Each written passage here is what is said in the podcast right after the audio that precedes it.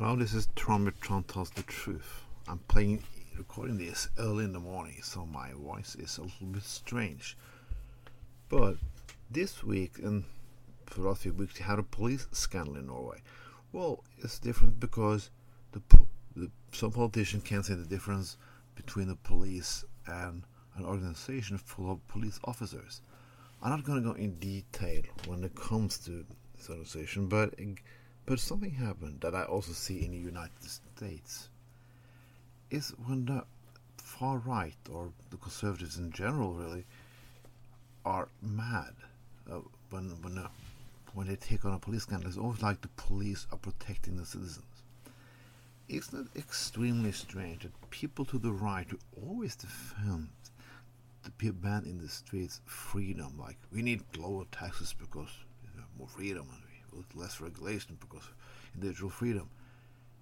Always protect people who are have violent monopoly on behalf of the state. Isn't that fucking strange?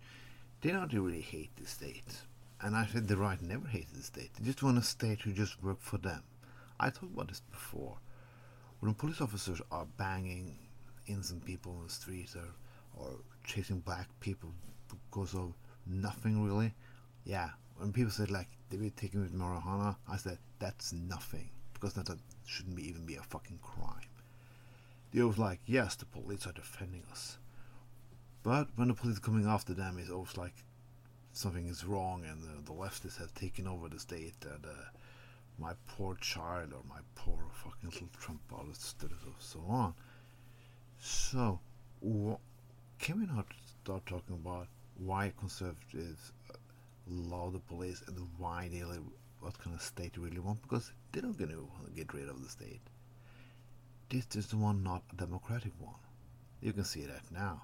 They're changing elections laws all over the United States because they know they're gonna lose. That's because the white extremist minority is getting more and more a minority, so they cannot win elections anymore.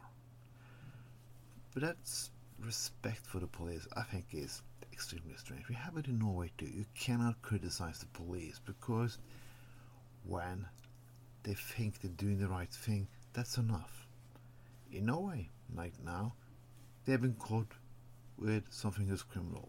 They're not going to get punished because they ain't going to investigate themselves. And some politicians are very frightened to criticize some people like the police, like people are afraid of criticizing the military because not, not like criticizing wars because then they're criticizing the military, and so on and so on.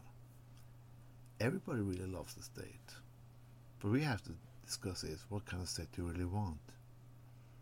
So conservatives can never come and say they they want to fight for my individual freedoms when the police are banging doors in poor neighborhoods because in in society poor people people in normal neighborhoods are also people not a conserv- conser- concerning conservatives because then all the rich people right might issue who has a lot who is the people who should decide and do everything.